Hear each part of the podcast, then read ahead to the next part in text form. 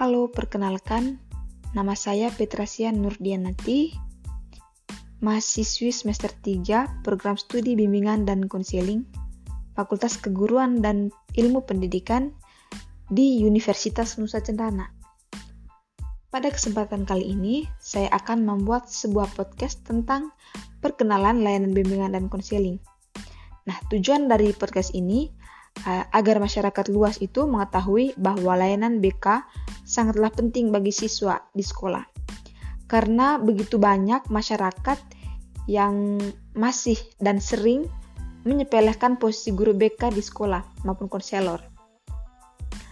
Mereka beranggapan bahwa konseling itu bisa dilakukan oleh uh, guru mata pelajaran ataupun oleh kaur kesiswaan. Tapi uh, di sini saya akan memperjelaskan tentang layanan bimbingan konseling bagi siswa dan juga untuk diketahui oleh masyarakat luas.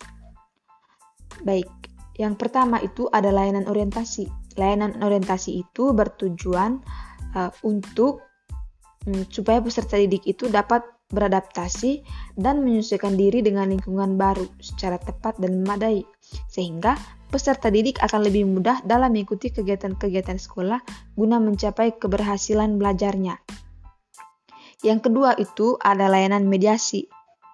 Layanan mediasi ini artinya perantara atau penghubung. Tujuannya itu di sini ada dua tujuan. Yang pertama itu ada tujuan umum.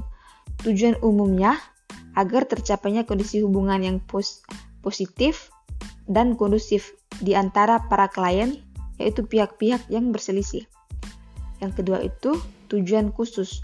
Tujuan khususnya di sini itu difokuskan kepada perubahan atau kondisi awal menjadi kondisi baru dalam hubungan antara pihak-pihak yang bermasalah. Yang ketiga itu ada layanan informasi. Layanan informasi ini berupa pemberian pemahaman kepada siswa tentang berbagai hal yang diperlukan untuk menjalani tugas dan kegiatan di sekolah dan untuk menentukan dan mengarahkan tujuan hidupnya. Yang keempat itu ada layanan bimbingan penyuluhan. Layanan bimbingan penyuluhan ini bertujuan untuk uh, membantu peserta didik agar tercapai tahap perkembangan yang optimal baik secara akademis, psikologis maupun sosial. Yang kelima itu layanan pembelajaran. Layanan pembelajaran ini merupakan layanan yang diberikan kepada siswa agar siswa mampu mengembangkan uh, sikap dan juga kebiasaan baiknya pada saat atau dalam hal belajar. Karena belajar itu merupakan proses yang sangat penting bagi uh, siswa di sekolah. Yang keenam itu ada layanan bimbingan perorangan. Layanan bimbingan perorangan ini merupakan pelayanan khusus berhubungan langsung tetap muka antara si konselor itu atau si guru BK dengan klien atau siswa.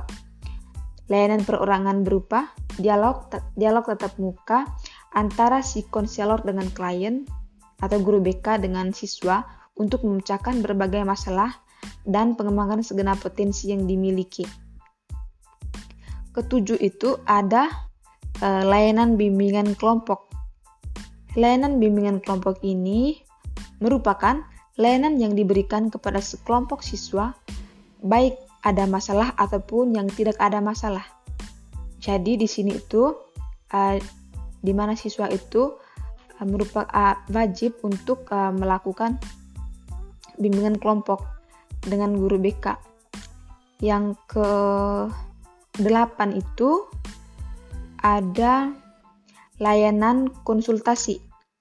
Layanan konsultasi ini merupakan layanan yang memungkinkan seseorang memperoleh wawasan, pemahaman, dan cara-cara yang perlu dilaksanakan dalam menangani kondisi atau permasalahan orang lain menjadi yang menjadi kepeduliannya. Yang kesembilan itu ada layanan konseling kelompok. Layanan konseling kelompok ini merupakan layanan bimbingan dan konseling yang diberikan kepada kelompok individu. Keuntungan dari layanan ini merupakan uh, dengan adanya satu kali pemberian layanan telah memberikan manfaat atau jasa sekelompok kepada orang. Baik, itu saja dari saya yang bisa saya jelaskan uh, kepada teman-teman semua. Semoga bermanfaat. Terima kasih.